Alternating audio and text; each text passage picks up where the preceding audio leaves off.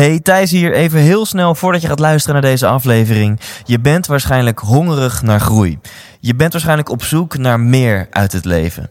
En ik kan je vertellen, dan ga je het enorm naar je zin hebben tijdens de 100% Inspiratieshow. Dit is een combinatie van een seminar waarin je veel gaat leren over geluk en een avondje uit waarin je vooral gaat lachen en het naar je zin hebt. Oftewel, je gaat ontdekken hoe je nog gelukkiger kunt worden en dat verpakt in een hele hoop entertainment. Kaarten, die kun je kopen op thijslindhout.nl. Alle vorige shows waren volledig uitverkocht, dus als ik jou was, zou ik er snel bij zijn. Heb je zin in een avond uit, vol inspiratie? Neem je partner, je collega's, je vrienden en vriendinnen mee en koop nu je tickets op thijslindhout.nl. Mijn naam is Joyce de Ruiter en je luistert naar de 100% Inspiratie Podcast.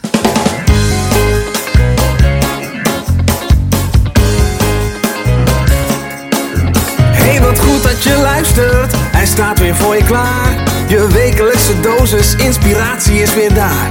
De allerleukste gasten geven al hun kennis prijs. Met je veel te blije host, hij praat je bij. Zijn naam is Thijs. Thijs, Thijs, Thijs,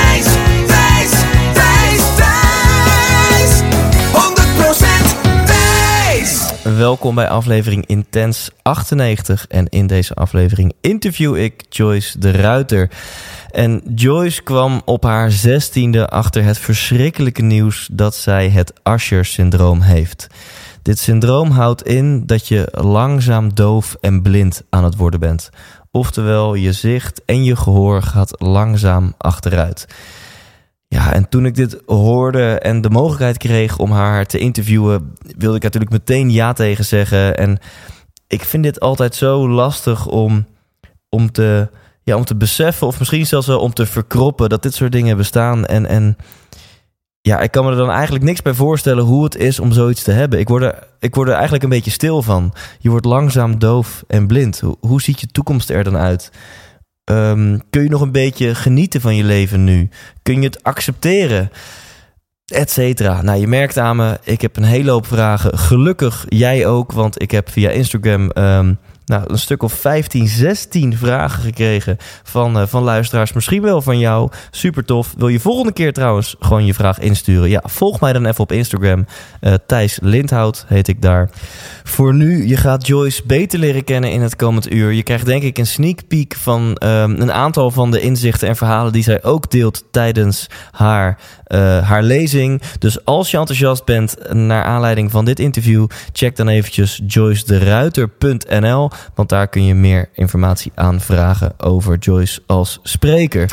Dus wellicht ontmoet je haar binnenkort wel in het echt. Maar voor nu hier voor jou in de 100% Inspiratie-podcast. Hier is Joyce de Ruiter. 100% Thijs. We draaien. Dit is het. Heb je er zin in? Ja, zeker. Ehm, lieve Joyce, mag ik jou een vraag stellen? Ja, Wat wil je worden als je later groot bent? uh, later als ik groot ben wil ik graag onafhankelijk worden. En dat in de breedste zin van het woord. Eh, ik wil onafhankelijk worden van altijd hulp moeten vragen aan mensen. En onafhankelijk worden eh, financieel opzicht dat ik niet afhankelijk ben van een uitkering om mijn Ja. rekeningen te kunnen betalen. En nou, laten we die allebei dan even afgaan. De allereerste, je zegt onafhankelijk als het gaat om hulp. Ja. Kun je die toelichten? Ehm, ik ga steeds slechter horen en zien. En eh, daardoor kan ik niet heel makkelijk van A naar B bewegen. eh, en en ehm, in het donker, et cetera. Ik heb twee kleine kinderen en ik moet heel vaak om hulp vragen of eh, mensen daarbij kunnen helpen met hun brengen, halen, et cetera. Ja. En dat wil ik eigenlijk helemaal niet. En hoe zie je dat, dat voor je? Want daar gaan we het zo meteen natuurlijk nog veel uitgebreider Ja. over hebben. Het feit dat jij een zeldzaam syndroom hebt, waardoor je steeds slechter gaat horen en zien. Ehm, en je zegt, nou, ik wil graag onafhankelijk worden. Terwijl je eigenlijk zou je stellen, zou je denken dat je juist steeds meer hulp nodig gaat hebben. Ja, Dus hoe zie je dat voor je om ervoor te zorgen dat het eh averechts werkt? Dat je, dat je steeds minder hulp nodig hebt? Nou voor mij het mooiste zou natuurlijk zijn dat er een behandeling komt waardoor eh, mijn zicht en gehoor weer te herstellen zijn. En dan met name richt ik me daar wel bij op mijn zicht. Als mijn gehoor maar zo blijft als nu, als het stopgezet kan Ja. worden, de achteruitgang, ben ik al blij. Maar als mijn zicht continu ook daarbij nog eens achteruit gaat, dan wordt de afhankelijkheid van andere mensen wel steeds Ja. groter. Ja. En Dus Ja? als een behandeling mogelijk is om dat te stoppen en daarna weer te herstellen, dat zou natuurlijk eh, de beste Ja. eh, droom zijn die dan waar kan komen worden.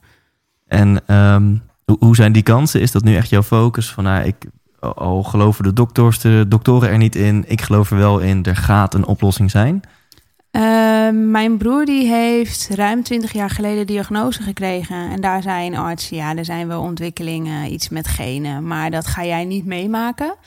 En inmiddels heb ik zelfs contact met een onderzoeker in het Radboud... vanuit de stichting Usher-syndroom, waar ik eh, actief voor ben. En die stichting bestaat er omdat er hoop is. En eh, op mooie, eh, omdat er mooie ontwikkelingen zijn, is er dus ook hoop op een behandeling. En begin ik toch stiekem wel een beetje hoop te krijgen dat het voor mij wel op tijd gaat komen. Ja. Omdat de ontwikkelingen zo snel Ja. gaan. Eh, dus ja, de hoop, is die realistisch? Geen idee. En dat zou iets te maken kunnen hebben met gentechnologie. Ja. De oplossing. Ja, ja er moet dat foutje wat in mijn gen zit, dat moet op een of andere manier Ah. gerepareerd worden. Eerst om de achteruitgang eh, te stoppen en vervolgens eh, moet dat weer hersteld worden, de stamcellen. En bijvoorbeeld met stamceltherapie kunnen bijvoorbeeld weer onderdelen in mijn oog herstellen om, eh, om vervolgens weer te kunnen zien. Dus de grootste hoop is dat het zelfs weer beter gaat worden. Ja, dat is natuurlijk de beste hoop, Ja. de mooiste hoop. Ja. En, en aan de andere kant, zoals het nu is, ehm, kun je bepaalde dingen aanleren om, om beter zelfstandig te, te worden. Dat je met bepaalde. Nou, Ja. ik moet gewoon gebruik maken van hulpmiddelen. En dat heb ik jarenlang niet gedurfd. Eh, of gewild eigenlijk, maar daartegen verzet. Eh, puur omdat ik het gevoel had, ja, dan ehm, ziet iedereen dat ik iets mankeer. En dat wil ik niet, want je wilt eigenlijk gewoon opgaan in de massa. En, En dan heb je het zoals een stok worden. of zo. Ja, sinds anderhalf jaar heb ik een tasstok waarmee ik in het schemer en donker loop of op hele drukke omgevingen. Maar daar zijn alle ogen letterlijk op jou gericht omdat je anders bent dan de rest. En inmiddels ben ik daar overheen gestapt, maar dat heeft echt jaren geduurd voordat ik dat bijvoorbeeld durfde. En ook simpel iemand, eh, kun je me even brengen of kun je me even ophalen met de auto? Ja. Dat soort vragen. Want autorijden zit er niet in. Nee, heeft er nooit in gezeten. Nee. Nee. En eh, eh, dat heeft een arts me ook wel vrij duidelijk gemaakt. Dat ik gevaar zou zijn op de weg. En belachelijk als iemand jou een rijbewijs geeft, et cetera. Terwijl toen was ik 17. Ik op dat moment misschien prima had kunnen autorijden. Zijn arts een jaar later, een andere arts. Maar die zei, ja, is dat een vrijheid die je jezelf dan geeft... om vervolgens nou, uiteindelijk toch weer in te moeten leveren? Wil je dat wel? Ja. En inmiddels is mijn zicht zo slecht dat autorijden echt eh, er niet meer in Nee. zit. Nee. Nou, ik denk nu al heel veel haakjes om op door te vragen. Ja, Zowel bij mij als bij mijn luisteraars. Ik pak straks ook wat vragen erbij. Want op dit moment ontploft mijn Instagram-account met eh, luisteraars die vragen insturen. Wat natuurlijk super leuk is. Wat Mhm. aangeeft dat mensen heel geïnteresseerd zijn in jou. En ook de tips en de, misschien wel gewoon de, de verhalen die jij te delen hebt. ja. Eh, maar laten we bij het begin beginnen. Dat vind ik Mhm. altijd wel zo prettig en ook wel zo inspirerend. Eh jij bent geboren 34 lentes geleden. Ja. Ehm, en uiteindelijk op hele jonge leeftijd werd bij jou al geconstateerd dat jij het Usher-syndroom hebt, toch? Ja, ik was 16. En bij mijn broer was net de diagnose eh, gesteld. omdat hij al echt problemen in zijn zicht ondervond overdag. Dat de opticien hem doorstuurde naar het ziekenhuis. Nou, daar werd de diagnose eh, gesteld. Ja, en toen moesten ze naar huis het mij vertellen. Want ook ik was nachtblind en ook ik was slechthorend, net als mijn broer. Dus ja, 1 plus 1 is 2. Dus mijn ouders moesten mij daar eh, een diagnose geven. Op een leeftijd dat je op de middelbare school zit en alleen maar bezig wilt zijn met eh, welke kleding trek ik aan. En, en jongens en, eh, en scooters, brommers rijden, et Ja. En mijn toekomst eh, werd toen in één keer helemaal volledig overhoop gegooid. Dus je bent 16 en je weet dat je nachtblind bent. Maar goed, dat zijn zoveel mensen. Ja. Je hoort misschien wat minder goed. doe er een paar hoorapparaten in. Ik redde Ja. me best wel goed. Ik kon best wel goed meekomen in het reguliere eh, middelbare schoolleven. En ineens had het een naam, dus ook erkenning. Maar het had daarmee ook een toekomst gekregen. Want ik wist dat het daar niet mee ophield. En eh, voor mensen die nu luisteren, die denken... oké, dit Usher-syndroom, kan je even uitleggen... wat, wat is het Usher-syndroom? Usher-syndroom is een hele zeldzame ziekte. Dus het is logisch dat heel weinig mensen er nog maar van gehoord hebben. Eh, ik heb de variant van Usher-syndroom dat ik slechthorend ben geboren. En eh, vanaf puberleeftijd enorm nachtblind ben. En ook mijn eh, zicht overdag daarna heel erg achteruit gaat. Het is een ziekte waardoor je steeds een beetje van je gehoor inlevert. Dus uiteindelijk word je doof. Maar ook je zicht uh, steeds een stukje inlevert, waardoor je uiteindelijk ook tegelijkertijd blind wordt. Dus het is, het is een handicap aan twee kanten. En uiteindelijk, hè, laten we alsjeblieft hopen op, op een oplossing en zelfs op verbetering. Maar uiteindelijk, als je er niks aan gedaan kan worden, leidt die ziekte tot blind worden en doof worden. Ja, doofblindheid. Ja. ja.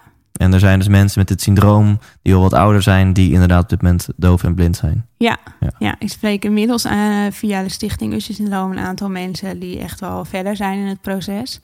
En daarin merk je dat het, uh, dat het nog wel een heel stuk erger gaat worden dan waar ik nu in zit. Ik leid nu eigenlijk nog best een normaal leven.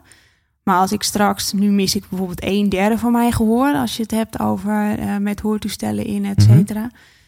Ehm, maar ik weet wel dat over ongeveer tien jaar weer een derde kwijt ben. En dan houd ik maar een derde over. En als je dan ook niet goed kan zien, uh, waardoor je bijvoorbeeld moeilijker kunt liplezen, dus ik kan minder goed zien wat jij zegt, dan is het een handicap die elkaar dubbel versterkt, ja. uh, waarbij het steeds moeilijker wordt om te communiceren bijvoorbeeld met Is dit nu wel oké met die microfoon? Zit die te ver nee, voor mijn mond? Wij zitten met z'n tweeën in een hele rustige ruimte, dus het gaat nu oh, Oké, dat gaat goed. Ja. ja. niet dat die microfoon telkens voor mijn lippen nee, zit of zo. Nee, en dat je daar, oké, te gek.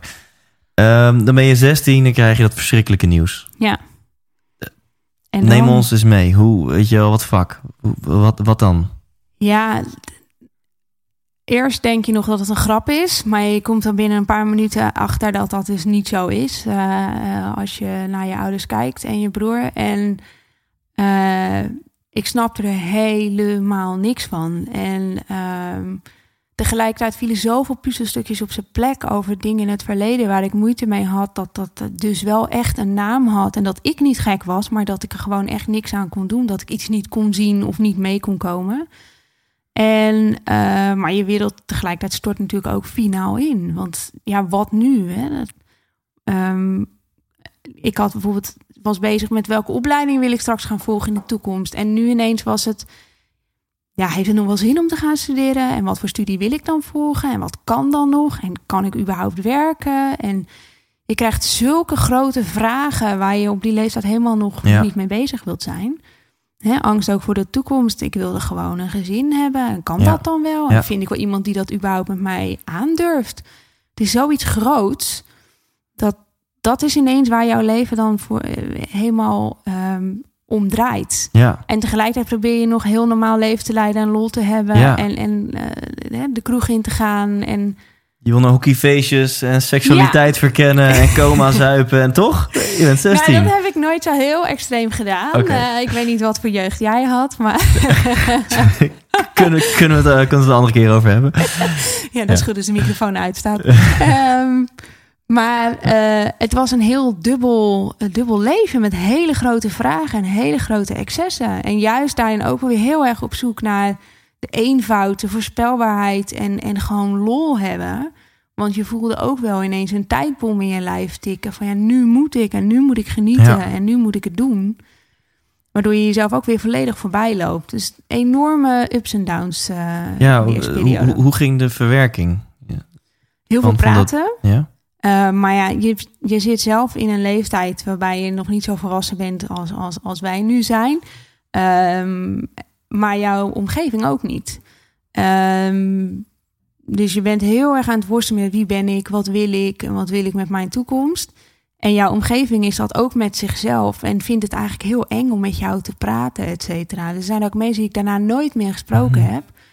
Anderzijds intensiveert het enorm je vriendschappen en, en staan mensen enorm voor je klaar en leer je juist echt je vrienden kennen. En is dat ook weer heel mooi. En maar door heel veel praten en um, het verdriet toe te laten en tegelijkertijd ook weer zo op zoek te gaan naar wat vind ik leuk en dat ook daadwerkelijk voor te kiezen. Uh, en maar gewoon doorgaan. Ja.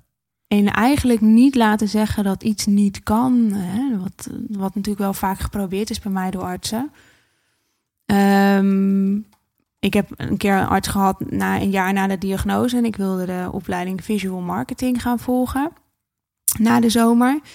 En uh, ik ging naar die arts toe. En uh, nou ja, het kwam ter sprake dat ik die opleiding wilde gaan volgen. En uh, nou, hij zei: Het visual marketing, de naam alleen al wordt doof en blind. Dus ja, als jij zo nodig iets wil gaan doen, ga dan een taal leren. Meer ga jij niet kunnen. Hè? Dan kan je ooit nog eens een boek gaan vertalen.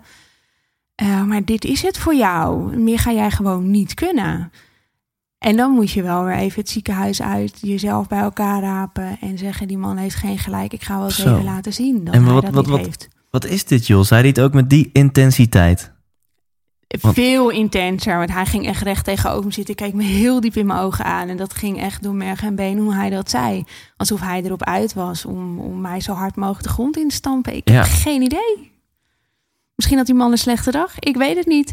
Hij was wel wat van de oudere generatie. Dus misschien dat daar dan nog een andere Hij eh, dacht, visie eh, achter rust of zo. Hij dacht misschien, ik zal dit naïeve meisjes even vertellen hoe het echt met haar zit. Ja. En eh, de verwachtingen managen of zo. Ja, ja, misschien anders komt hij zichzelf zo hard tegen. Misschien dacht hij wel dat hij mij hielp.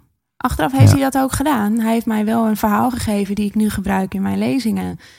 En hij heeft wel een enorme vechtdrang die ik al had, eh, zo versterkt, waardoor ik wel heel veel dingen heb bereikt die in zijn optiek juist onmogelijk waren. Want je liep dus het ziekenhuis uit en je had toen kunnen denken... Shit, ja, en dan hij maar heeft gelijk. bank. Ja, ja, bank, graniums, dit is mijn toekomst, dit wordt mijn leven. En ik moet tevreden zijn eh, met, eh, met koffietijd om tien uur op televisie. zolang ik dat nog kan Mhm. zien en horen. Ja. Nou ja, dat, dat hebben we dus niet gedaan. Ik ben juist die opleiding gaan volgen en heerlijk. Alles uit het leven gaan halen wat ik op dat moment kon. Ja, En wa- wat hield het in voor jou? Dus je bent die opleiding gaan doen. Ja. En op, op meerdere gebieden dacht jij, ik ga alles uit het leven halen. Ik ga Ja. gewoon, in principe moet alles nog kunnen. op Ik laat... kamers wonen, uitgaan en, eh, en dat heel erg veel gedaan. En daar zo intens van genoten. Het zo bewust eh, gedaan. Eh, voor sommige mensen waren misschien sommige dingen heel vanzelfsprekend. Ja, voor mij niet. En jaren later ook. Want ik wilde heel graag eens een keer New York zien. Nou, daar ben ik dan ook geweest. En, eh, maar tegelijkertijd ook heel duidelijk een focus voor ogen. Ik wil gewoon een normaal leven met een partner en kinderen en werk. En daar ook alles voor gegeven om, eh, om dat aan te kunnen. Kijk, of je een partner vindt, dat, dat, dat kun je niet afdwingen. Ehm, Nou ja, tegenwoordig, er kan tegenwoordig veel in deze wereld. Ja, je kan iemand bestellen of zo. nee, dat, eh, dat heb ik niet nee, gedaan. volgens mij heb jij je man niet besteld. Nee. En andersom ook niet. Nee, sterker nog, ik heb hem eerst eh, vanuit vriendschap is bij ons een relatie ontstaan. Ik heb hem juist eh, eerst mijn huidige man verteld van dit moet jij niet willen. Ga heel snel iemand zoeken die wat minder complexe toekomst heeft dan ik. Dus ik was ook wel bang om me te binden aan iemand. Want ja, volgens mij heb je tijdens het uitgaansleven helemaal geen idee wat voor leven daarachter schuilt. Maar dat heeft hem nooit afgeschrikt. En Mhm. eh, nou ja, dat is, eh, dat is een mooie, zo gebleven. Dat- En dat- ben is ik liefde, ontzettend blij mee. Ja, ja. Ja. Dus- en eh, zelfs twee prachtige dochters. Ja, Ja, ja, kijk, hier, twee eh, meiden. Zitten in je huiskamer en achter jou aan de muur hangen. Ja, hele prachtige, fotocollage, ja. Ja, van een fotoshoot, denk ik. Ja, Eh, super. ja, maar ook gewoon huistuin- en Oh ja, ook keukenfoto's. gewoon, eh, ja, maar ja. ja, ja, ja. Super mooi. Ja, die worden volgende week alweer 7 en 10. Dus eh het is echt eh, bizar. Ja. Ja, Kleine meisjes worden groot. Voor je het weet eh, gaan zij eh, op kamers en Ja, het uitgaansleven verkennen. En dan mogen ze jou niet tegenkomen. Mothers like your daughters. Ik ben, ik ben de ideale schoonzoon hoor, heb ik wel eens, Ja? is mij wel eens verteld. Oké, nou dan gaan we eerst even een navraag doen. Ja, Nou, gematigd enthousiasme merk ik aan de andere kant van de tafel. We het dan weer over jou hebben. Ja. Ja, je, je, je- je bent een studie gaan doen. Die visual En- marketing studie. Ja, En, en, en uiteindelijk eh, ja, ben je dus ook een, een man tegengekomen en besloot je voor jezelf, ik wil gewoon normaal gaan leven. Ja. Ja. Ehm, en ho- hoe zat het op, op dat moment zeg maar, met, jou, met jouw handicap, met je zicht? Toch? Dat mensen een beeld erbij hebben van, hè, kon je amper zien of kon je nog heel goed zien? Nee, ik kon nog best wel goed zien, met name overdag. Alleen de nachtblindheid werd steeds extremer. Dus dat uitgaan, dat was eigenlijk een ramp. Met dan ook nog heel veel herrie in de kroeg. Alleen ik merkte wel op een gegeven moment dat ik er overal trucjes eh, voor vond. Dan deed ik één hoorapparaat uit en iedereen schreeuwt toch wel in je oor. Dus dan hoorde ik de muziek niet. En ik kon hele goede gesprekken volgen en voeren. Want eh, ze schreeuwden toch in mijn oor en dan hoor ik het perfect. Eh, en ik, ik heb tijdens mijn studie het wel enorm zwaar gehad. Dus ik heb al een aantal burn-outs achter de rug. Eh, omdat ik gewoon probeerde zo normaal mogelijk mee te komen. Alles kost mij gewoon veel meer energie. Het reizen in het OV, het overgang in licht en donker daarmee.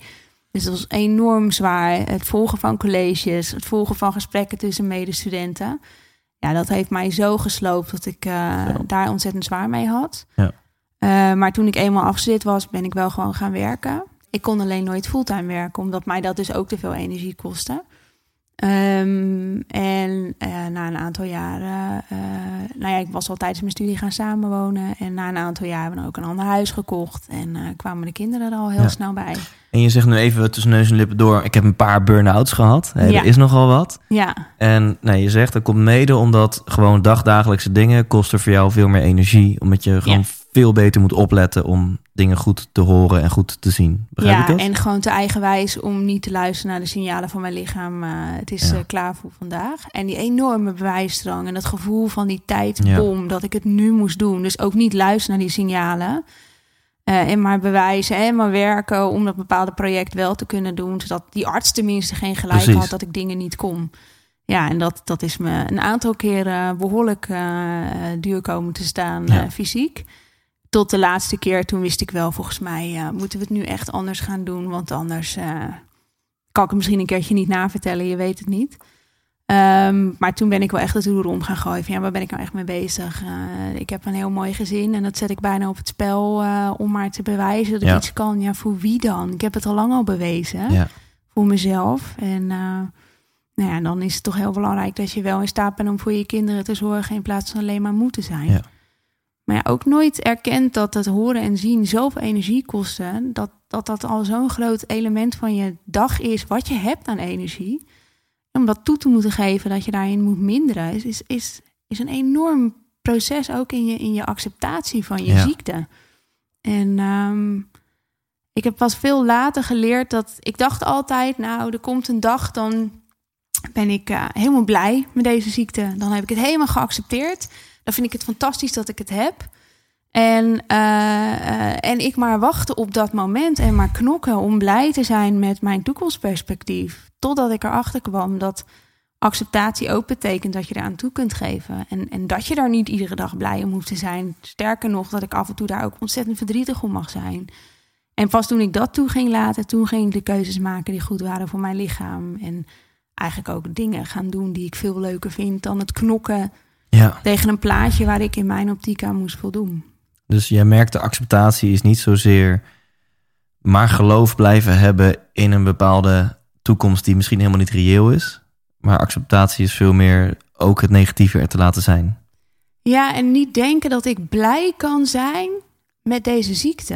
Want ik zal er nooit blij mee zijn. Ik heb Ja. er wel mee te dealen. En op het moment dat ik accepteer dat het af en toe ook gewoon kloten is. En dat ik daaraan toegeef dat ik er verdrietig om mag zijn. Volgens mij is dat veel meer acceptatie dan. Ja. Ik zou volgens mij ook niet heel geloofwaardig zijn als ik achter deze microfoon zou zeggen: Nee, ik vind het fantastisch dat ik doof en blind word. En dat ik mijn kinderen op een dag niet meer kan horen en zien. Nee, daar kan ik echt volledig mee leven. Ja. Ik geloof niet dat je dan eerlijk bent naar jezelf. Kijk, ik probeer daar nu iets goeds mee te doen. En dat geeft mij een goed gevoel. En ik gebruik mijn verhaal en, en, en alles wat ik heb meegemaakt.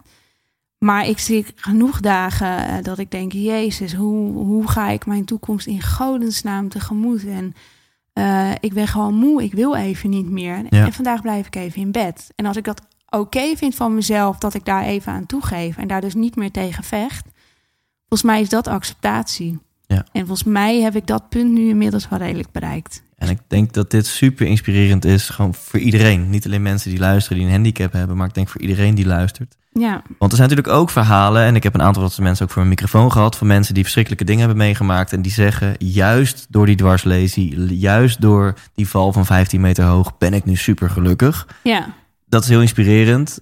En dat kan ook tegelijkertijd bij sommige mensen die in zo'nzelfde soort situatie zitten, een bepaalde druk geven van, oh, dus ik moet ook blij zijn voor Ja. mijn handicap of mijn syndroom. ja, En dat had jij dus ook een tijd. En jij, Ja. jij merkt juist verlichting en, en, Ja. en, en verheldering nadat je juist toe ging geven. Nee, maar ik vind het gewoon super kut. Tuurlijk Ja. is het niet leuk dat en het vind. mag dus ook kut zijn. En ik mag er verdrietig om zijn. Ik hoef niet te wachten op het moment dat ik er helemaal blij mee ben.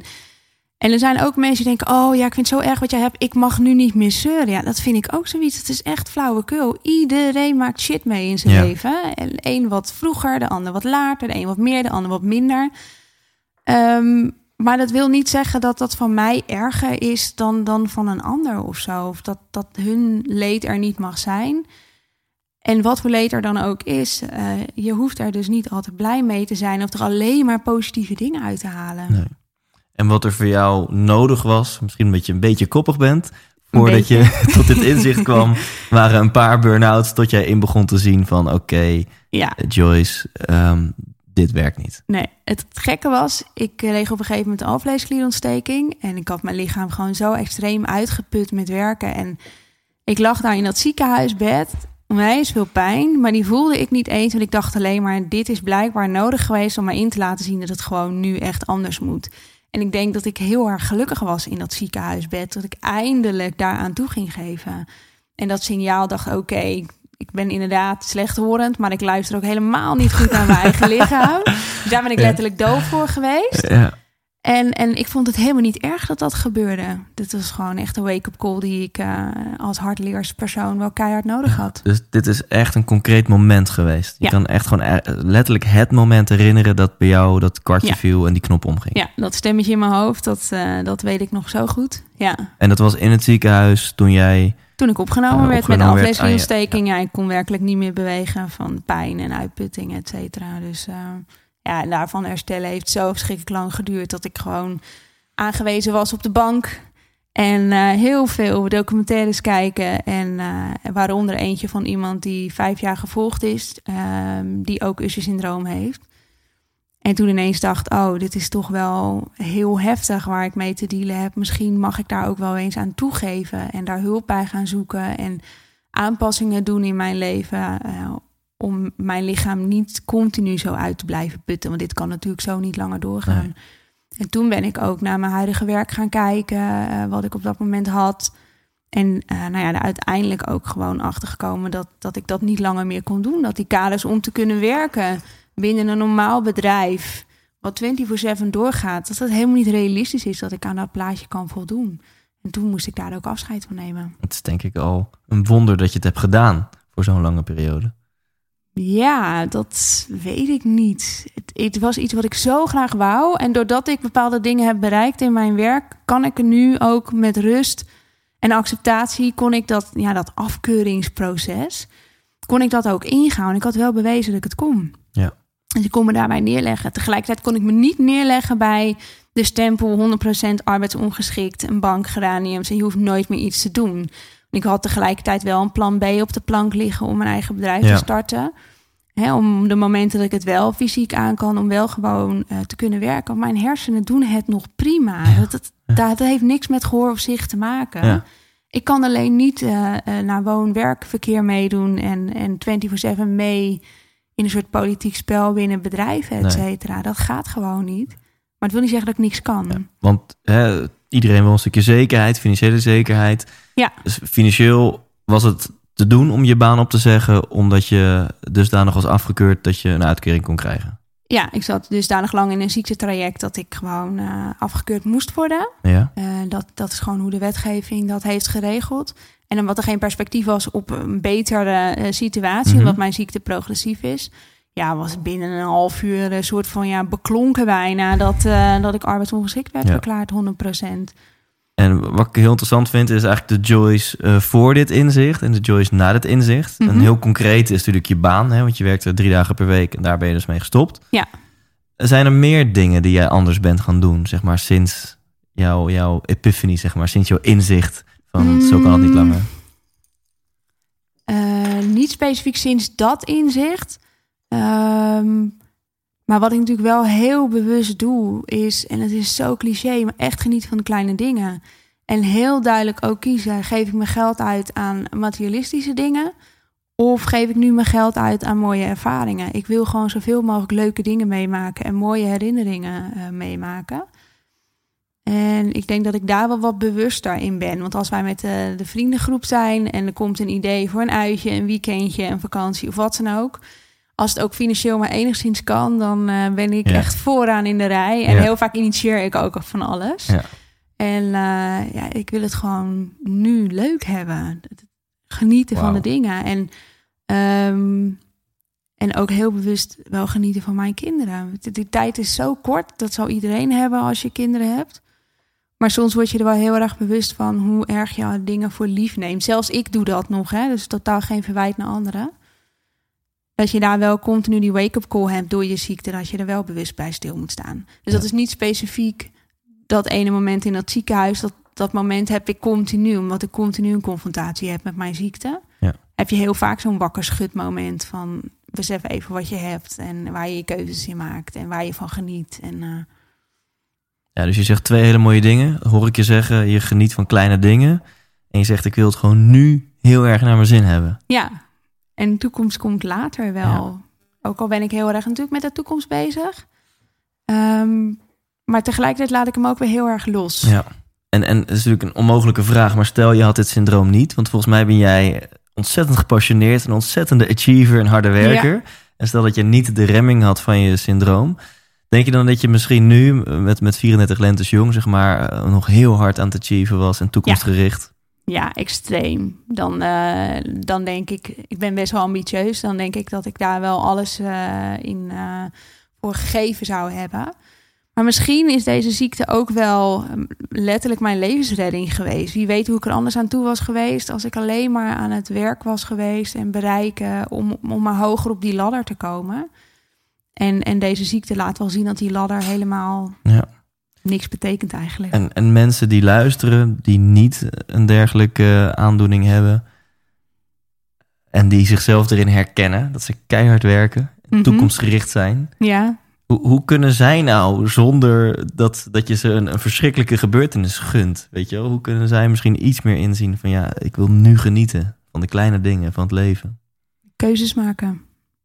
Dat heb ik heel erg geleerd, keuzes maken. Ik was op een gegeven moment zo op mijn bordje aan het gooien, want ik wilde maar zoveel mogelijk bereiken en, en neerzetten. En op een gegeven moment dacht ik, ja, wat vind ik nu echt belangrijk? Kies jij voor die, voor die ladder in je carrière? Ja, als dat jouw keuze en jouw droom is, dan moet je dat ook vooral doen. Wie ben ik dan om te zeggen dat je dat niet moet doen?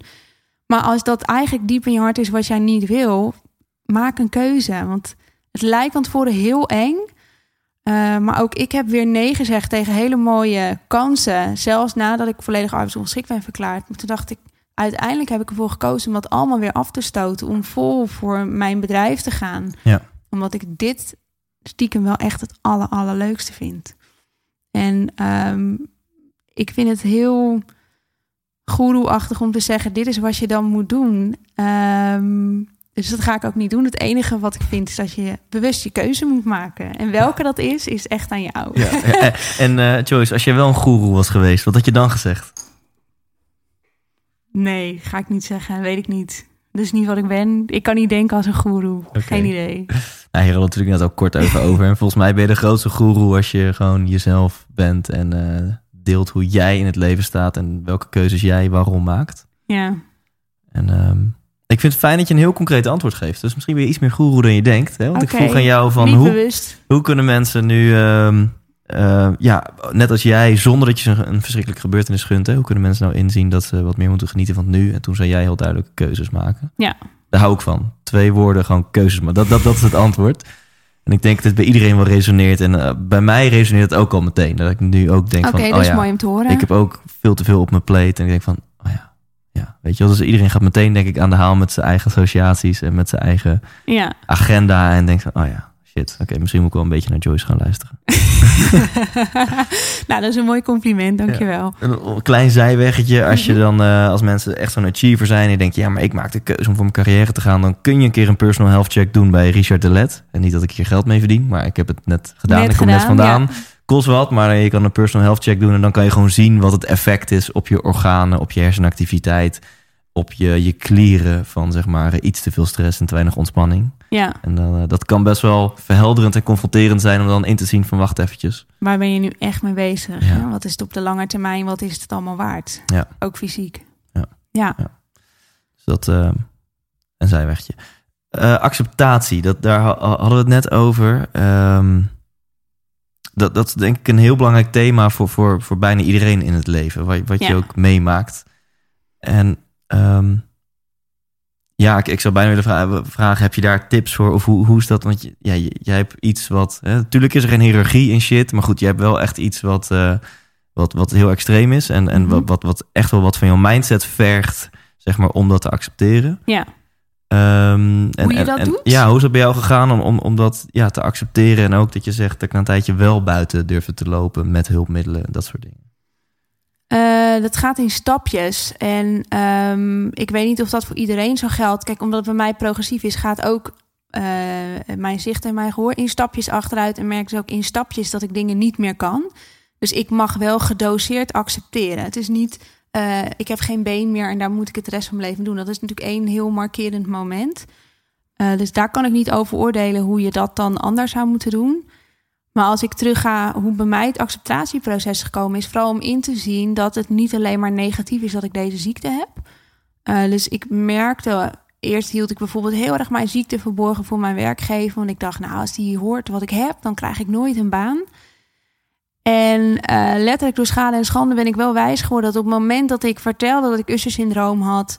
En welke voordelen dat ook had, die ben ik toen op een gegeven moment ook wel in gaan zien. Hè? Dat ik veel gemotiveerder en loyaler ben en dat ik heel goed tussen de regels door kan aanvoelen wat er nou daadwerkelijk speelt en dat ook in kan zetten. Toen gingen letterlijk voor mij de deuren open en kreeg ik wel banen aangeboden en, en haalde ik daar hele mooie successen. En dan dacht dat gaf mij weer het zelfvertrouwen van oh, dit is dus een mooi onderdeel van mijn ziekte. Dus dat mag er dan ook zijn. Dan mag ik ook voor mijn ziekte uitkomen. En uh, minder leuk iets is bijvoorbeeld lopen met de tasstok. Dus dat heel de wereld kan zien dat jij iets visueels hebt. En dat is niet eens zo heel erg totdat je het schoolplein opkomt en je twee kinderen aan je arm hebt en die zien, uh, of iedereen, al hun vriendjes en vriendinnetjes vragen: wat is er met jouw mama aan de hand? Dan pas is het voor iedereen zichtbaar dat jij wat hebt. Dat zijn natuurlijk de enorm moeilijke momenten. Maar als je dan tegelijkertijd bedenkt: oké, maar ik kan nu wel weer mijn kinderen in de winter in het donker naar school brengen, wat ik eerst niet kon. Dan denk je: oké, daar krijg ik weer iets voor terug. Ja. Misschien moet ik gewoon maar even die blikken en die meningen en. en uh, van iedereen maar even aan de kant zetten. Want ik krijg er ook weer iets voor terug. En zo ben ik stapje voor stapje gaan accepteren waar ik mee te dealen heb. Ja, dus jij, wat ik hierin hoor, is dat je niet er overheen kon komen door te denken: ja, ik heb scheid aan anderen en fuck hem. Maar nee. dat je juist focust op, maar wacht eens eventjes, ik kan nu mijn kinderen in donker naar school brengen. Ja, en wat dat, levert het mij op? Ja. En dat is volgens mij veel duurzamer dan een fuck it uh, Ja. middelvinger. Want op een gegeven moment ga je toch denken: die middelvinger wil ik heel snel intrekken. Dus. Ja. En het is nog steeds niet dat ik elke dag blij ben dat ik die stok heb. Want ik heb echt een, een haat-liefde verhouding mee. Maar ik accepteer dat dat ook zo is. Ja. ja. Ja, ik vind het best een mooie, ook een concrete tip om dus om te gaan met meningen van anderen. Want daar hebben we allemaal mee te maken. En hoe succesvoller je wil worden, hoe meer je daarmee te maken hebt. Ja, dat geloof ik wel, ja. En dan zeggen sommige mensen, ja, dan moet je scheid aan hebben. Maar ja, dat is inderdaad... Wat is dat dan? Ja, Dat is toch niet een knop die je om kunt zetten in je hoofd? Want die knop die schiet Nee. net zo hard weer terug, volgens mij. ja. Volgens mij, als jij voor jezelf kijkt, oké, maar wat levert het mij Ja. op? Wat heb ik eraan? Dan gaat volgens mij vanzelf die middelvinger Ja. wel steeds een beetje verder omhoog. En die blijft dan ook wel staan, Dus je hebt denk misschien ik. twee mensen op Insta of op Facebook of in real life, whatever, die lopen te zeuren. Maar er zijn 98 die mega geïnspireerd zijn door jou. En focus je dan daarop. Van, ja, maar juist omdat ik deze shout-out doe, help ik die mensen. Ja, Dat, eh, dan focus je op, nou, op het positieve, op wat het je oplevert. ja. In plaats van dat je heel recalcitrant een middelvinger probeert op te steken richting ja de haters. volgens mij is dit veel duurzamer. Ja. In mijn geval in ieder geval wel. Ja. Mooi. Ja. Jij hebt ehm, twee, drie jaar geleden bij RTL Late Night jouw verhaal mogen delen. Mhm. Want je vindt het heel belangrijk dat, dat het Usher-syndroom dat dat be- meer bekendheid krijgt. Ja, en Dat dan met name, ja, dan ga ik even reclame maken dat er mag. ook daarna donaties komen voor Stichting Usher Syndroom. We zijn natuurlijk zo'n kleine groep patiënten en we zijn financieel helemaal niet aantrekkelijk om daar enorm veel eh, middelen in te stoppen vanuit de farmaceutische industrie. En dan heb ik het natuurlijk over financiële middelen. Dus wij zijn als stichting eh, puur door patiënten volledig vrijwillig allemaal aan het strijden voor eh, geld voor financiering van onderzoek. Want de hoop is er wel heel concreet. En ehm, dan ga ik even reclame maken voor de stichting. Dus www.ushersyndroom.nl, U-S-H-E-R syndroom.nl. En eh, nou ja, je kunt een actie starten om geld in te zamelen, et cetera. Of gewoon een donatie doen. Maar inmiddels kunnen we al zoveel onderzoeken eh, financieren dat we echt een groot verschil maken in de snelheid waarmee er een behandeling eh, mogelijk wel gaat komen. En we zijn er nog lang niet, maar eh, ja, we zijn wel goed op weg. Dus dat heb ik gedaan bij, uh, bij RTL Late Night. Uh, heb ik gewoon mijn verhaal verteld. En, uh, en belang dat er ook zo snel mogelijk meer geld komt voor onderzoek. Ja, te gek. En dat is dus ushersyndroom.nl, zei ja, je? Usher, en moet je maar denken aan die zanger. Usher. Aan die zanger, Usher. Dan schrijf je het zelf. En ik zorg er ook wel voor dat thijslindhout.nl slash Joyce ook gewoon direct doorlinkt. Dus als mensen dan nu... ja.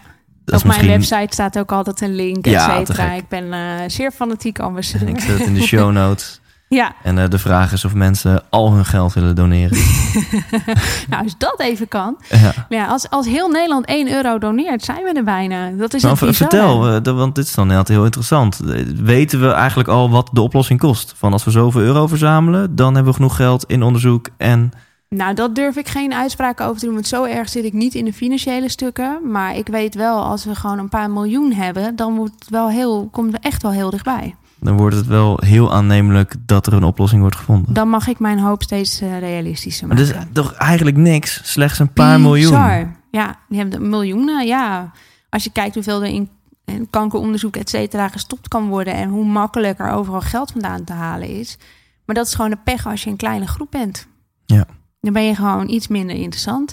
En uh, we merken dat we nu bekender worden, dat dat echt wel flink aan het groeien is. Maar Ho- Hoeveel mensen hebben dit in Nederland? in Nederland duizend mensen, Ja? maar daarbinnen heb je wel heel veel varianten. En de vraag is, moet je per variant een behandelmethode ontwikkelen? Of lukt het om één methode te ontwikkelen die op alle varianten toepasbaar is? Ja. Kijk, daar zijn heel veel ontwikkelingen in, in gaande. Ja. En uh, dat is dus de vraag, wie is het eerst? En um, gelukkig mocht jij dezezelfde pitch doen aan tafel bij Humberto. Nee, ik mocht daar niet uh, oh, letterlijk de donatievraag stellen. Maar niet, ja. uh, het heeft wel heel erg geholpen in de bekendheid van het syndroom. En dat ja. heb gewoon, ik heb het gezien als saaien. En ja. uh, dat oogsten is ook zeker gebeurd later. Ja.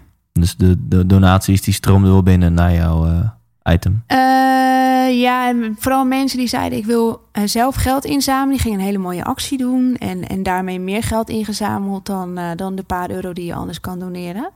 En um, beide is goed.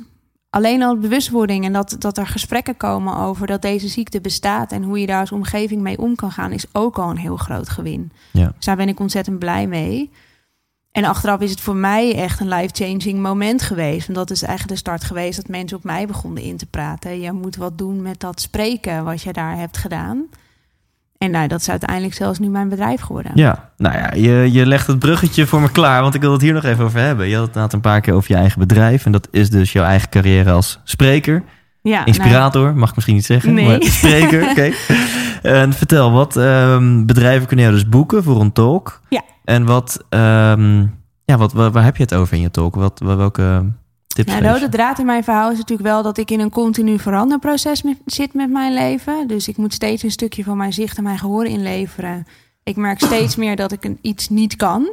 En hoe ga ik daar dan mee om? En, en hoe zie ik dan de mogelijkheden? Um, maar het ligt vooral ook aan de wens natuurlijk van de opdrachtgever. Heb ik leidinggevende voor mijn neus, dan gaat het over hoe krijg je je mensen mee in je verandering. En heb ik uh, uh, medewerkers uh, als publiek, dan gaat het vooral over hoe ga je dan om met de verandering, bijvoorbeeld in het bedrijf. En het werk wordt natuurlijk allemaal heel erg veranderd, bijvoorbeeld door robotisering. Heel veel mensen worden daardoor boventallig en, en, en moeten dus echt op zoek naar ander werk. Hoe ga je daar dan mee om? En hoe sta je dan ook open voor die verandering? Ja. Maar dat is dan ook net weer wat de wens is vanuit de opdrachtgever. Een thema maak ik dat helemaal op maat. En kun je daar nu alvast wat over vertellen? Jij weet als geen ander hoe het is om, om te moeten gaan met verandering. Je mm -hmm. hebt geen keuze. Um, welke inzichten of, of wijsheden of tips deel jij dan aan bedrijven die dus ook te maken hebben met verandering? Um, ik deel vooral mijn levensverhaal. Daaraan gekoppeld wat ik daar dan vervolgens uit geleerd heb en wat ik daar, um, uh, hoe ik dat vervolgens weer toegepast heb. Uh, en een van de clichés, want dat is het gewoon letterlijk. Hè? Het is geen hoge wiskunde wat ik deel. Uh, maar wat ik wel vertel is dat doen waar je gelukkig van wordt. Dat is die keuze nadat die arts tegen mij zei... moet je niet doen die opleiding. Hè? Meer ga jij niet kunnen dan een boek vertalen. Die ik toch die keuze maken wat dat je oplevert. Of uh, heel simpel het hulpvraag-element. Uh, en daarvoor open durven staan. En ook zien dat er dan zoveel meer mogelijkheden op je pad komen dan je van tevoren überhaupt had kunnen bedenken. Dat maak ik nu nog steeds wekelijks ja. mee. Zowel in mijn privéleven als, als uh, voor mijn bedrijf. En ook dat die oplossingen vaak zo makkelijk zijn dat je helemaal niet had kunnen bedenken. Zo simpel zijn ze. En dat het gewoon vaak recht voor je neus ligt.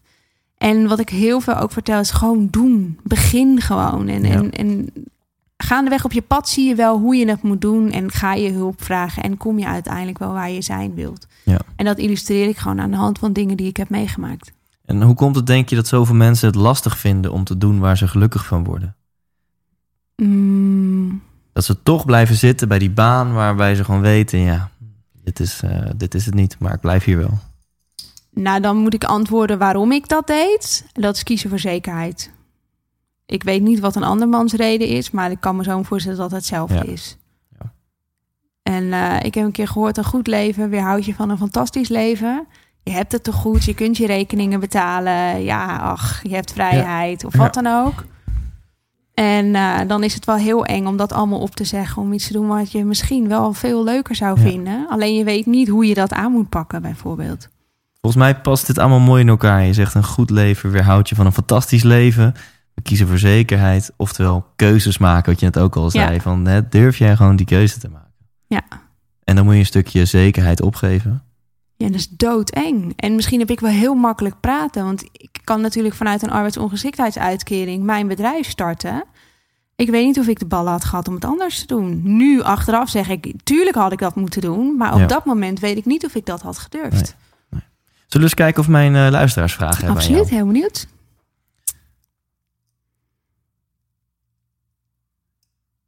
Pop, jeetje, ontploft. Ik heb, eh, ik heb 13 vragen. Oké, gaan eens kijken of we er doorheen komen. Ik heb ze nog niet gelezen, hè, dus ik eh, check ze nu ook pik gewoon. er eentje uit.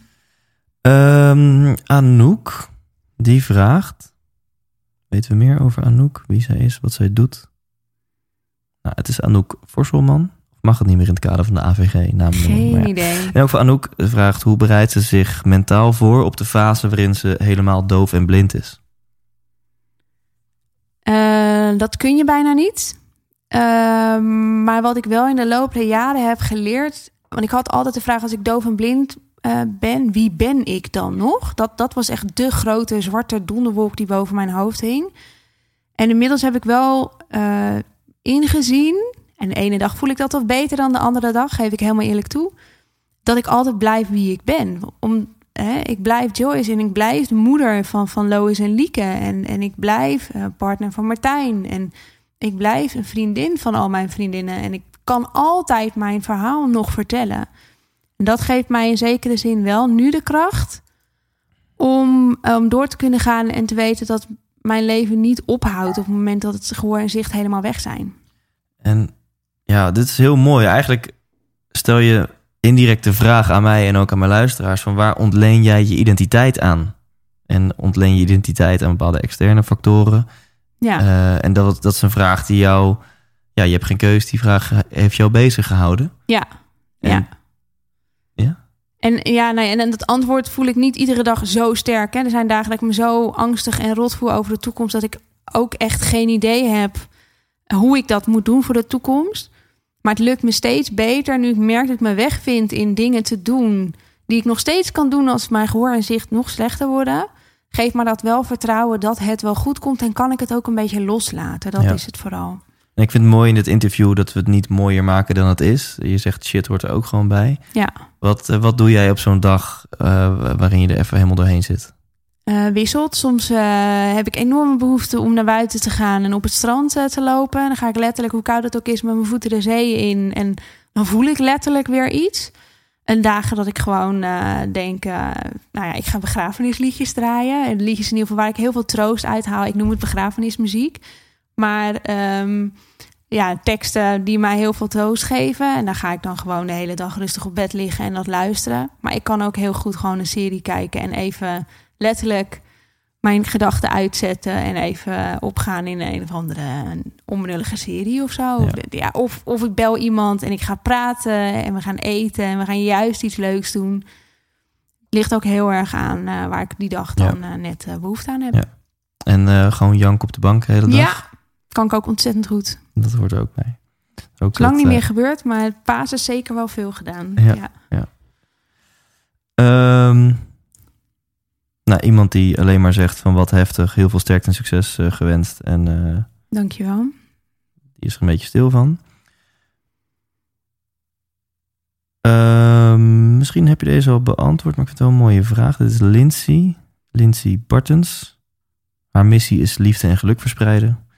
En ehm, ze zegt: Ik ben wel benieuwd of er specifieke dingen zijn waar Joyce nu juist meer van geniet. De aller, allerkleinste dingen. Ik was uh, dit weekend op een kinderverjaardag en ik dacht: Oh god, dan zit ik weer binnen met al mijn schreeuwende kinderen om me heen, geen gesprek kunnen voeren. En dan bleek dat uh, het best wel ineens het zonnetje ging schijnen. En uh, een vriend van mij die pakte een lekker stoeltje en ik kreeg een wijntje en ik ging lekker in het zonnetje zitten. Ja, en dan, daar geniet ik dan ongelooflijk van. Ja.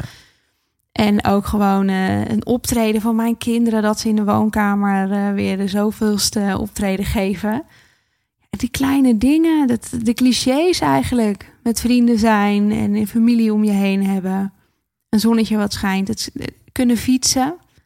Ik heb een bakfiets, maar ik kan maar hele kleine stukjes fietsen, omdat het voor mij zo intensief is om mijn beeld te scannen. En als ik dan na de winterperiode dat ding weer uit de schuur kan halen en gewoon weer mijn kinderen op de fiets naar school kan brengen, dan kan ik letterlijk met tranen in mijn ogen zitten. Dat ik denk, Heerlijk. oh, fiets weer. Ja, echt, echt de allerkleinste cliché dingetjes. Heerlijk. En ook een vraag van hoe heet hij? Zijn blog heet Growthinkers. Hij heeft veel volgers, 10.000 volgers. Maar in zijn profiel staat zijn naam niet. Nou, Hmm. meneer Growthinkers. Eh, en die heeft een vraag, maar dat hebben we denk ik al behandeld. Wat, wat zijn jouw gedachten en worstelingen? Hebben we het eigenlijk over gehad. Dus bedankt voor je vraag, maar we gaan naar de volgende. En dit hebben we ook al gehad.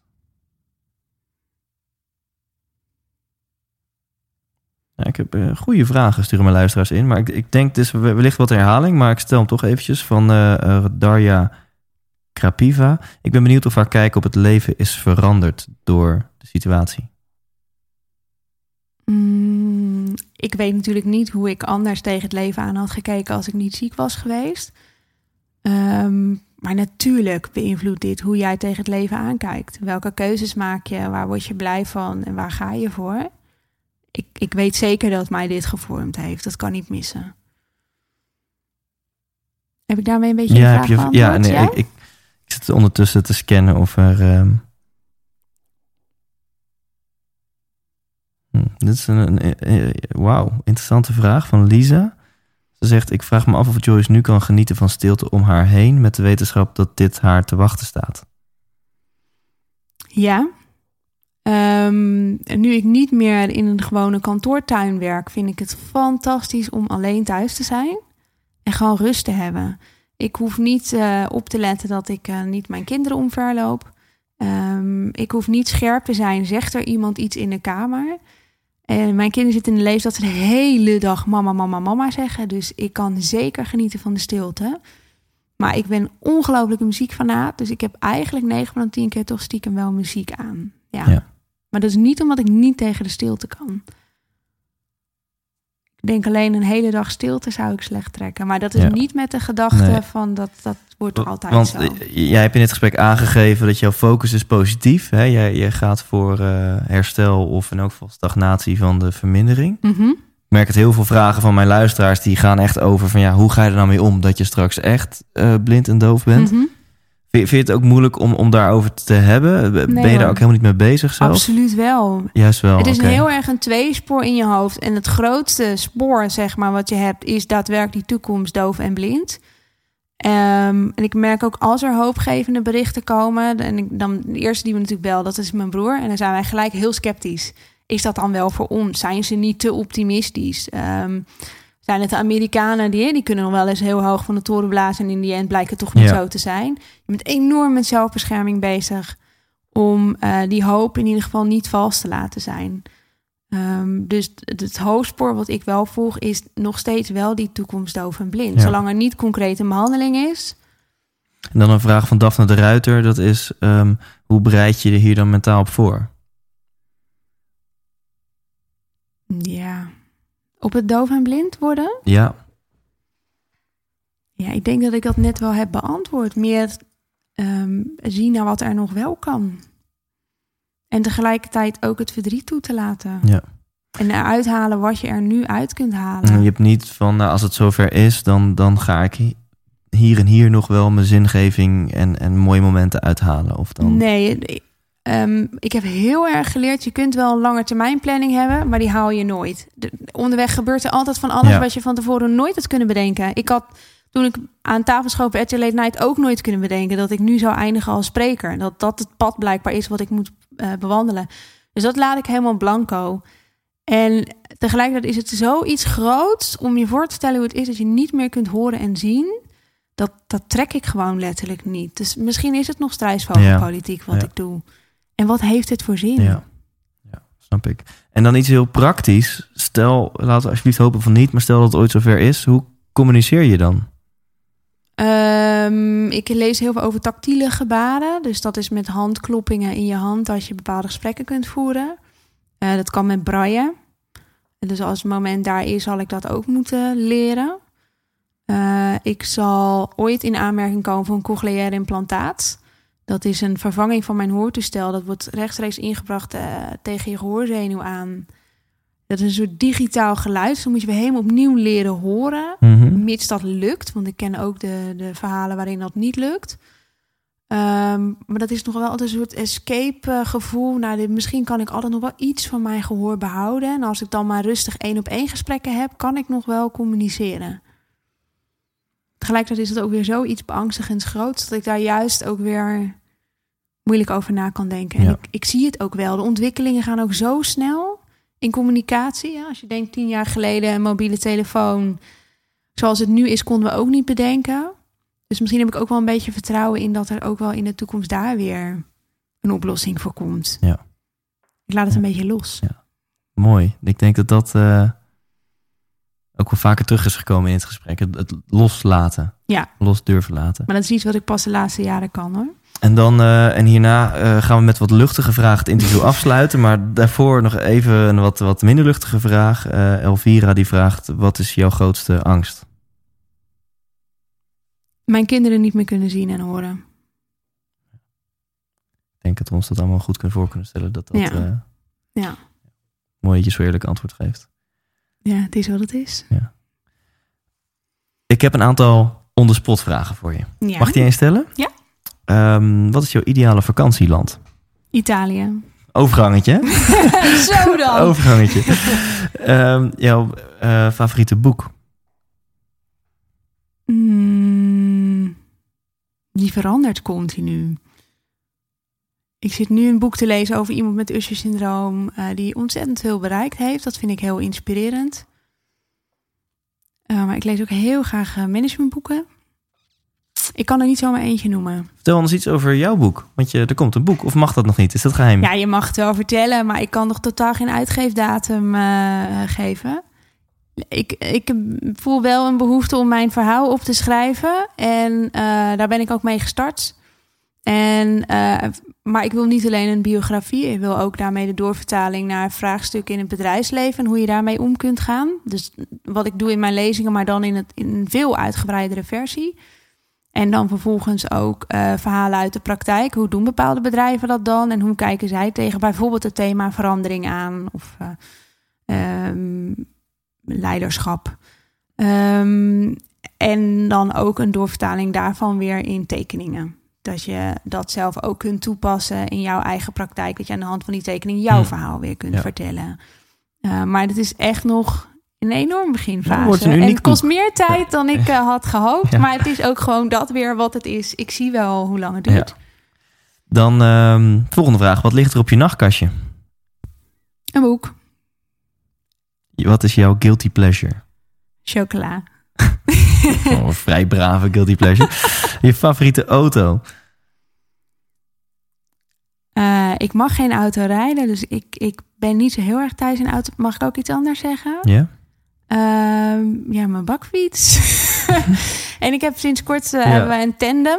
Ja. Eh, dus mijn man fietst voorop en ik achterop. En dan fietsen we routes die ik nog nooit heb gezien. En ik zie konijntjes door de duinen huppelen, wat ik nooit heb kunnen zien. Omdat ik altijd zo gefocust was op het fietspad. Mhm. Dus dat is nu eh, mijn favoriet. Vind ik een mooi. Dus als ik zeg eh, Ferrari of bakfiets, dan ga jij voor Bakfiets. de bakfiets. Ja, maar als ik dan mag autorijden, dan tuurlijk kies ik voor de Ferrari. Ja. Maar dat is niet mijn... eh, En dan een hele persoonlijke. Deze man schop ik niet uit mijn bed. Mijn Hm. man, Ja, absoluut niet. ja. En, en als je dat niet als antwoord mocht geven? Jou. nee, geen idee. Gaan we nou niet afzwakken? Het was net zo'n mooi antwoord. Dames en heren, primeur. Eh, Joyce, die eh, heeft een nee. Eh, laatste vraag vind ik nog wel leuk van een luisteraar. Ehm, zo, is wel weer een redelijk heftige. Van, van Ja, Felix. we gaan van... We gaan alle kanten op. alle kanten op. Emotionele rollercoaster, dit interview. Nou, dat is eh, mijn leven ook, dus... Felix Govers is een filmmaker. En hij vraagt: hoe bewaar je rust en blijf je dicht bij jezelf als wellicht wanhoop en onmacht dichterbij komt? Hoe bewaar je rust en blijf je dicht bij jezelf? Ehm, Jezus. Wat, wat ik misschien in die vraag hoor, is waar we het net over hadden, die dagen dat, dat je er even doorheen zit. Ehm, ik kan me echt wel voorstellen dat op die dagen de meest depressieve gedachten Ja. door je hoofd gaan. Ja. En dat soort dagen kennen we allemaal wel. Ja. Eh, en dan is zijn vraag, ja, hoe, hoe, hoe pak je eigenlijk dan de draad uiteindelijk weer op? Ehm, wat ik de laatste tijd wel merk is als ik zo'n zo'n dag heb, eh, of een week. Op een gegeven moment ben ik het gewoon zat. En denk ik, ja, waar ben ik nou mee bezig? Ik wil weer. Of ik krijg een mailtje of een vraag. Of, of er gebeurt iets. Hoe klein het dan ook is, denk ik, oh, dit is gaaf. Hier doe ik het voor. En dan ga ik weer. En dan krijg ik toch weer een of ander signaal of teken. Of hoe je het noemen wilt. Eh, wat voor mij dan weer de bevestiging is om weer door te gaan. En dan pep ik mezelf ook echt weer op. Ik heb zo'n sterke drive om niet in dat bed te blijven liggen. Ineens krijg ik ook wel weer die energie. En dat kan zelfs al na twee uur zijn. Eh, Maar dat kan ook na een week zijn. Dat wisselt heel erg. Ja. Het alleen, hoe, dat moment komt steeds sneller dat ik zeg maar mezelf weer op kan peppen. Is als ik de frustratie loslaat dat ik weer in dat bed Ja. lig. En dat moment moet je ook misschien een beetje laten komen. Want waar we het ook net over hadden, is het natuurlijk juist toegeven aan eventjes die depressie, om maar zo te zeggen. Dat dat juist onderdeel is van daarna weer de draad op kunnen pakken. ja, daardoor kan ik dat dan daarna ook weer veel beter. Want ik heb wel gemerkt, als ik dat onderdruk, het moet er toch een keertje uit. Uh, maar nu lijkt het net alsof ik uh, iedere maand dagen op bed lig te huilen. Maar dat, dat is ook wisselend. Uh, er zijn zo ook weer maanden dat ik echt niet te stoppen ben. Omdat ik wat ik doe allemaal zo leuk vind. En er zoveel energie van krijg. Dat je echt denkt, hoe kan het dat ik in het gewone bedrijfsleven uh, amper kon werken een paar uur per dag. En hier ben ik gewoon letterlijk niet te stoppen. Dat is er ook. Um, maar die rust en die focus, ik, ja, dat ligt toch ook wel weer in die acceptatie dat het dan nu even niet gaat. En dan gaat het daarna ineens juist heel snel, komt er wel ja. weer energie om wel weer te gaan. Mooi. We hebben ons super binnen de tijd gehouden. We zitten op 59 minuten. Wat een uh, planning. netjes. Uh, is er tot slot nog iets dat jij wilt, um, wilt delen? Of is er nog een vraag die ik eigenlijk had moeten stellen, maar nog niet gesteld heb? Mm, nou ja, zijn er mensen geïnteresseerd in mijn verhaal, dan uh, wil ik ze vooral uitnodigen om eens mijn website te bekijken en um, joycederuiter.nl. Um, en gewoon een mooi gesprek, daar sta ik ook altijd uh, voor open. Er hoeft voor mij niet altijd direct iets achter te zitten. Uh, dus voel je ook vooral vrij om maar dat gesprek aan te gaan. Tof. joycederuiter.nl ja. Ik zorg ervoor dat het ook in de, de show notes en zo staat. Ja. In de promotieberichtjes van, dit, deze aflevering. Dus dan weten je mensen jou te vinden. Dat is mooi. Dankjewel. Ja, jij ook bedankt. Box. 100%. Bedankt voor het luisteren naar dit interview. Intens 98, volgende week 99 en de week daarna nummertje 100. En dat ga ik vieren met een theatershow. En dat doe ik op vrijdag 6 juli in Amsterdam. Dus wil je erbij zijn, check dan even thijslindhout.nl. Er zijn nog enkele kaarten beschikbaar. Zo'n 100 zijn er nu verkocht en ik heb er nog eh, 50 liggen voor vrijdag 6 juli, de 100% Thijs Show in Amsterdam. En wil je meer horen te weten komen van Joyce? Wil je haar boeken als spreker? Dat kan ik me heel goed voorstellen. Ga dan naar joycederuiter.nl. Daar kun je informatie aanvragen. En wellicht ontmoet je haar dan binnenkort in het echt. Bedankt voor het luisteren. Tot volgende week. Dan staat Intens 99 voor je klaar. En leef intens. Hey, wat leuk dat je hebt geluisterd naar deze aflevering. En als je het nog niet hebt gedaan, waar wacht je nog op? Ga nu naar thijslindhout.nl en koop je tickets voor de 100% Inspiratieshow. We gaan lachen, we gaan muziek maken en vooral gaan we samen op zoek naar geluk en succes. Neem je vrienden, je vriendinnen, je partner, je collega's mee. Koop nu je tickets op thijslindhout.nl